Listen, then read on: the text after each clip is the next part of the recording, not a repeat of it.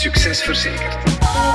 Welkom bij Succes Verzekerd, een videopodcast van Van Breda Risk and Benefits, waarin we verzekeringsexperten aan de tand voelen over nieuwe risico's en over continuïteitsuitdagingen voor ondernemingen. We praten vandaag met Eli Hemelaar. Hij is General Manager Construction and Engineering. En met hem praten we over de vele mogelijkheden die er zijn om je te verzekeren in de bouwsector, maar ook over de evolutie van die sector en welke uitdagingen dat dan weer met zich meebrengt. Eli, fijn dat je er bent. Um, je bent General Manager Construction and Engineering. Dat is heel veel, maar we gaan ons vandaag in deze podcast vooral over de bouwsector buigen. Nu, de bouwsector, daar zitten heel veel verschillende partners, partijen onder, die zich allemaal verzekeren, neem ik aan. Ja, absoluut. Op welke manier? Uiteindelijk bouwen is inderdaad een samenspel van heel veel partners. Hè. En wat dat wij praktisch proberen te doen, is dat al die partners met al hun eigenheden ook, uh, ook servicen. dus uiteindelijk, je moet een project van een, van een bouw, is eigenlijk op zich een aaneenschakeling van een hoop eventen. Dus je hebt in eerste instantie een architect, een studiebureau die het ontwerpen, die de stabiliteitsberekeningen maken. Dus voor het effectief gebouwd wordt, heb je al heel veel partijen die al bezig zijn. dus uh, heb je ontwerpende partijen, dan beginnen de, aannemers te werken. De aannemers te werken vaak met een hoop onderaannemers, nevenaannemers. Dus we hebben heel veel facetten, heel veel partijen die samen moeten werken op één gebouw. En zijn de bezorgdheden van al die partijen dezelfde? Kan je daar een, een, is daar een rode lijn in te trekken? Van waar jullie klanten van wakker liggen? Finaal gezien wel, hè. Dus het is eigenlijk een samenspel tussen al die partijen die ervoor moeten zorgen dat dat gebouw tot een goed einde komt. Nu, eerlijk gezegd zie je wel dat die partijen toch regelmatig tegenstrijdige belangen hebben. Um, en daar zie ik het een beetje als onze taak om ervoor te zorgen dat al die partijen toch op een vrij transparante manier van elkaar weten van wie is verantwoordelijk voor wat. Want het is maar door verantwoordelijkheden vast te stellen dat je ook een verzekering kan gaan opstellen natuurlijk. Ja, dat is een beetje onze taak. Hè. Dus eigenlijk een heel, de, heel de, de manier van werken heb je verschillende partijen. Bepaalde partijen zijn verplicht om zich te verzekeren. En bijvoorbeeld een architect is wettelijk gezien verplicht om zijn beroepsaansprakelijkheid te verzekeren. Een aannemer moet zich in theorie niet verzekeren. Uh, bouwheren hebben ook weer andere belangen. Mhm. En onze taak is, idealiter, is eigenlijk al die partijen samen aan tafel te zetten en zeggen van kijk, wie is verantwoordelijk voor wat en wie moet wat verzekeren. Wat is nu de grootste moeilijkheid? er zijn er heel wat, maar de grootste moeilijkheid als het gaat over bouwverzekering?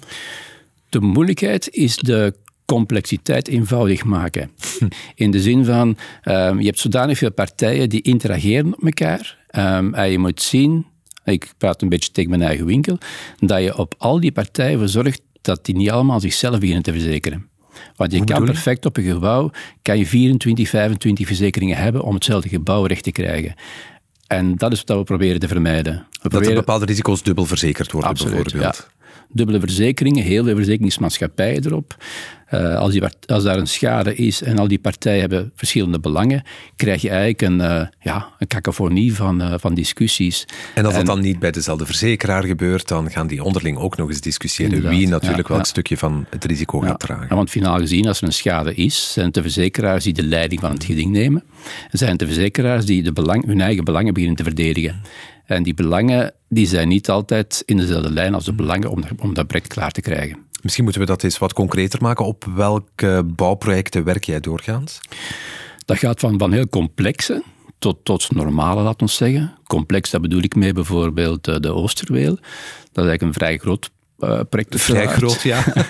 dat, uh, dat was eigenlijk in de Belgische geschiedenis is eigenlijk toch niet zo gebeurd, zo'n groot project. Daar hebben we eigenlijk alle verzekeraars die we maar konden vinden moeten betrekken. Mm -hmm. um, de bouwheer zelf, dus Landis, is, is onze klant daar. En we hebben eigenlijk in, naam en voor rekening van Landis al die verzekeringen moeten uitwerken. Um, heel veel moeten praten met al die partijen, heel veel moeten praten met al die verzekeraars. Um, de moeilijkheid daar was vooral ja, door het feit dat het zo groot en complex is, dat heel veel verzekeraars schrik hebben. Dus je moet vanuit gaan, verzekeraar is risicoavers. Dus verzekeraars willen alles uh, zo eenvoudig mogelijk, niet te veel problemen. Um, natuurlijk, bij grote projecten zit je vaak bij complexe dingen en heb je vaak verzekeraars die, die wat schrik hebben. Hmm. Op welke manier kan je daar een voorbeeld van geven, van die uh, complexiteit van die ja, grote bouwprojecten? Pak nu één ding dat we vrij recent hebben meegemaakt, was de nieuwe gascentrale van Engie. Dus die wordt gebouwd in Luik. Um, wereldwijd is er van dergelijk type project nog maar eentje gebouwd geweest. Dus het was geen proven technology, dat ons zeggen.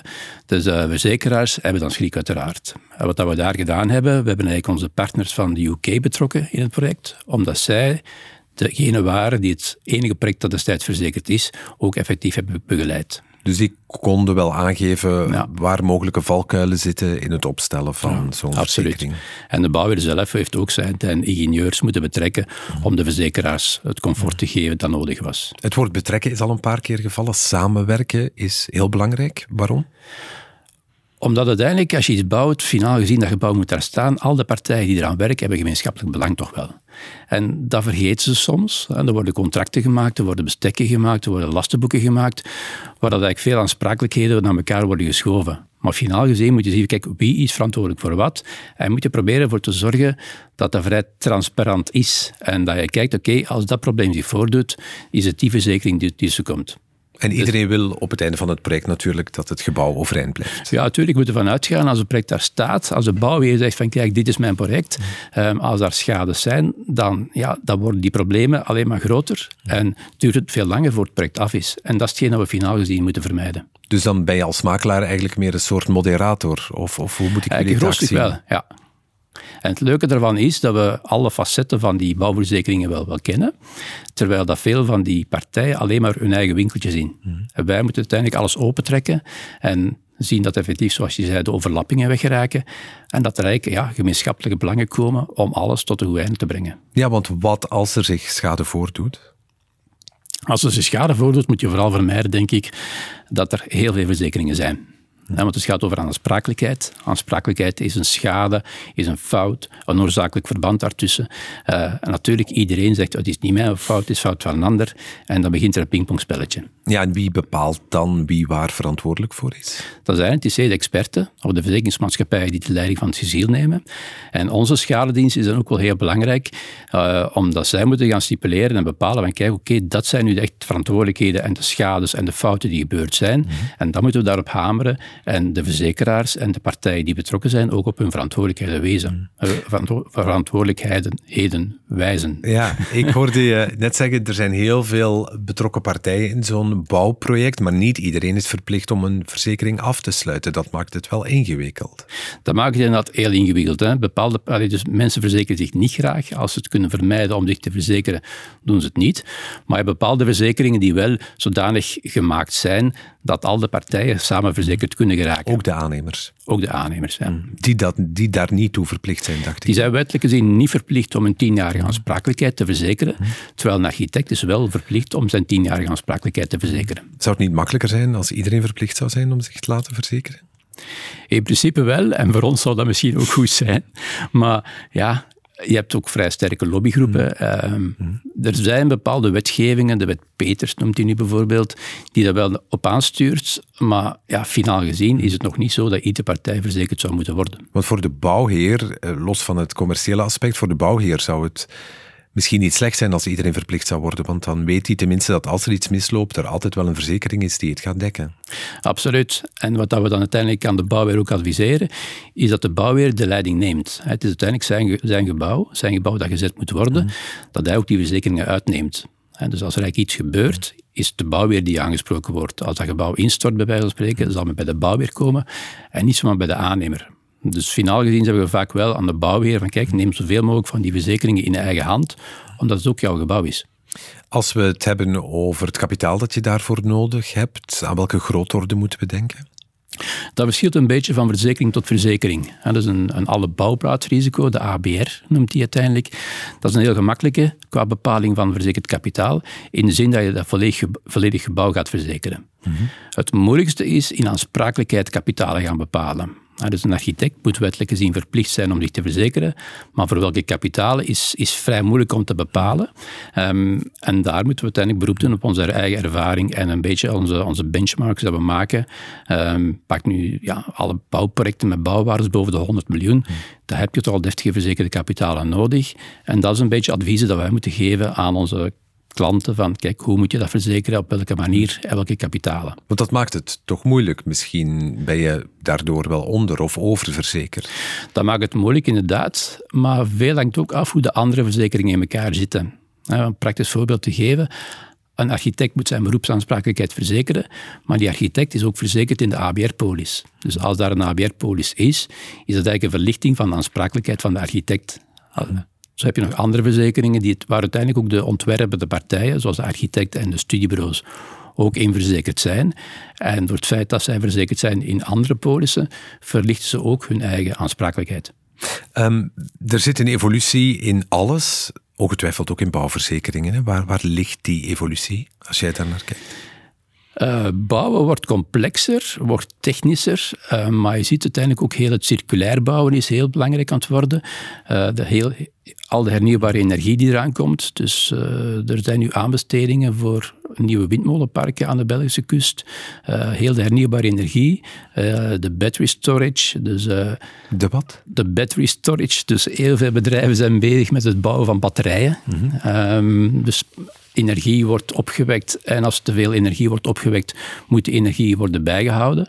Dus je ziet heel veel hernieuwbare energie, heel veel circulair bouwen, allemaal relatief ja, innovatieve elementen die erbij komen.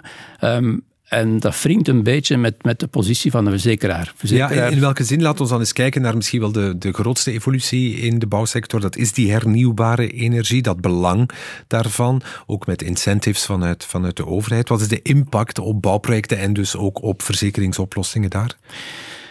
Ehm, de impact is, is vrij groot voor de klassieke verzekeraars. Een klassieke verzekeraar verzekert graag een woning, een appartementsgebouw. Uh, en dat is net iets anders dan een offshore windmolenpark. Dus uh, de moeilijkheid daar is de verzekeraars te vinden die het wel kunnen en die het wel willen verzekeren. Mm -hmm. Dus wat wij moeten doen, is effectief gaan zoeken naar verzekeraars die de kennis hebben en die ook de guts hebben om het te willen verzekeren. Ja, dus een, het verzekeren van een appartementsgebouw is eigenlijk heel eenvoudig. Daar vind je heel veel verzekeringsmaatschappijen voor. Maar als je een offshore windmolenpark gaat bouwen, dan gaan al die verzekeraars die de klassieke appartement willen verzekeren, dan gaan die niet op de kar springen. En waarom niet? Omdat het grote risico's zijn, grote kapitalen zijn, met potentiële grote schades zijn. Wat maakt het een groter risico dan een appartementsgebouw? Want er staan toch al best wat windmolens. Dat moet toch wel wat vertrouwen geven voor mogelijke verzekeraars? Die windmolens worden alleen maar groter. dus de, eh, de capaciteit dat die windmolens hebben, de, is ook veel groter geworden dan vroeger. De, de techniciteit is ook veel groter dan vroeger. Want vroeger werden die windmolens vlak aan de, aan de kust gebouwd. Nu gaan die veel dieper gebouwd worden. Dus het is vooral technisch complexer. Um, het grote voordeel van die, die, die markt is wel dat de Belgische bedrijven daar wel eh, wereldspelers zijn. Je hebt de Deme's, de Nuls, de, de Smulders. Dat zijn bedrijven die in België wel de know-how hebben. Um, maar die know-how ja, wordt meer en meer gestretched. Mm hoe dus bedoel je gestretched? Alles wordt groter. Ja. windmolenparken worden eigenlijk in, in, de volle zee gebouwd in plaats van aan de kust. Um, de kapitalen die verzekerd moeten worden zijn ook veel groter.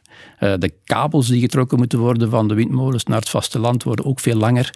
Dus het is groter, het is complexer, het is risicovoller. Is het op termijn onverzekerbaar ook, denk je?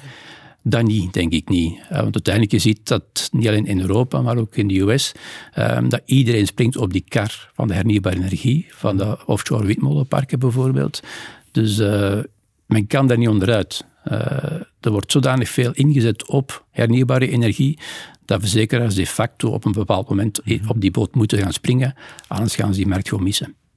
Um, de evolutie in bouwverzekeringen door het feit dat alles larger than life wordt, waar zit die nog in voor jou, die evolutie? Hoe bedoel je? De evolutie in bouwverzekeringen. Um, waar zit dat nog in voor jou?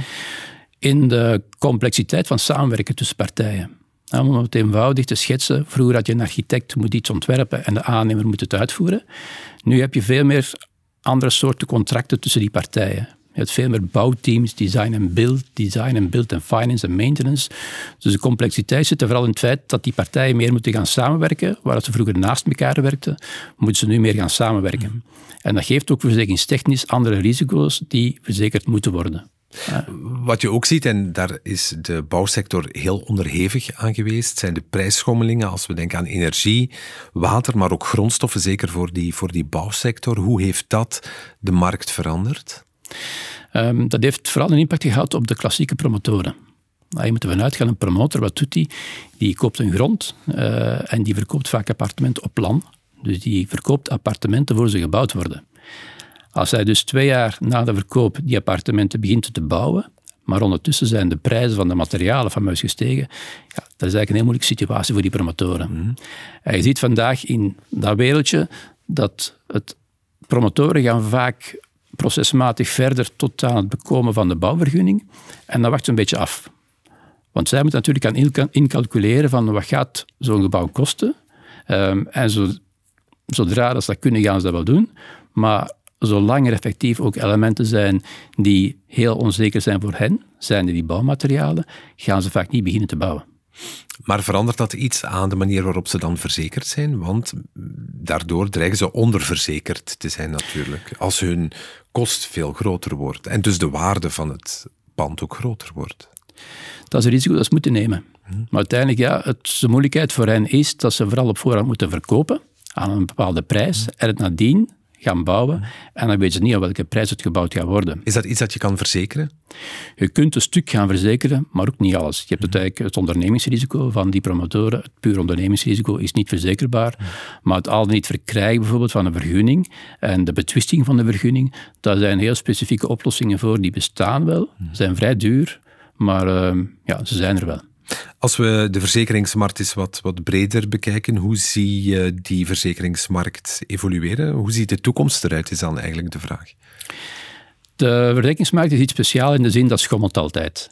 dus je hebt softe markt, je hebt harde markt. Um, als er veel verzekeraars zijn, dan gaan de prijzen omlaag. Het is bij een spel van, van, van vraag en aanbod. Um, als de premievoeten hoog liggen, hebben natuurlijk veel verzekeraars die op de kar springen. De impact daarvan is dat die weer druk is op de premies, dat die dan weer gaan verlagen. Um, we hebben eigenlijk de vorige jaren hebben vrij softe markt gehad. Wat je nu wel ziet, is dat er door het feit dat de premies al een beetje zijn gestegen, de vrijstellingen zijn hoger geworden, dat er meer verzekeraars zijn die toch weer geïnteresseerd zijn in het verzekeren van bouw. Mhm. Een paar verzekeraars waren vroeger afgehaakt um, en nu komen daar weer nieuwe verzekeraars bij. En het is ook een beetje onze taak om die markt heel breed te houden. Dus om ervoor te zorgen dat er veel verzekeraars zijn om die concurrentie te laten spelen. Elie Hemelaar, dankjewel voor het uh, gesprek. En dan wil ik u graag bedanken voor het kijken en of het luisteren. Het laatste woord is voor Pedro Matijnsens. Hij is de CEO van Van Breda Risk and Benefits en dit is zijn blik op de zaak. De grootste verandering in de bouw en engineering komt vanuit de hoek van het klimaat en duurzaamheid. Zo hebben een aantal grote verzekeraars en herverzekeraars zich verenigd in de Net Zero Insurance Alliance. Dat is een vereniging die ernaar streeft om de klantenportefeuille CO2-neutraal te maken tegen 2050. En bij Van Breda hebben wij beslist om massaal te investeren in kennis en expertise die daarmee in de juiste lijn ligt. Dit betekent dat verzekeraars actief op zoek gaan naar manieren om hun portefeuille van klanten te wijzigen, zodanig dat er gebouwd wordt, meer en meer gebouwd wordt, met weinig of geen negatief impact op het milieu en het klimaat. En daarin speelt het zogenaamde circulaire bouwen een belangrijke rol. Dat betekent dat men probeert meer en meer gebruik te maken van duurzame materialen bij het bouwen. Maar het gebruik bijvoorbeeld van een materiaal als hout stelt verzekeraars voor nieuwe uitdagingen in zaken brandgevaar en waterbestendigheid. Daarom doet men onderzoek naar het bewerken, het behandelen van hout zodanig dat het meer waterbestendig wordt, dat het minder brandbaar wordt. Ook um, denkt men na over hybride bouwen, dat is het selectief gebruiken van beton en betonconstructies om hout te beschermen tegen waterlekken of om ervoor te zorgen dat er minder of beperkt brandgevaar is. Ook het inzetten op bouwen en engineering voor alternatieve energie speelt daarin een belangrijke rol. En dat is een uitdaging zowel als een opportuniteit. Alleen al wat windenergie betreft in Europa verwacht men dat de verzekeringspremies daarvoor zullen gaan stijgen naar 2 à 3 miljard. Uh, België en de Noordzee gaan daarin een belangrijke rol spelen en Van Breda wil daar graag zijn steentje ook aan kunnen bijdragen.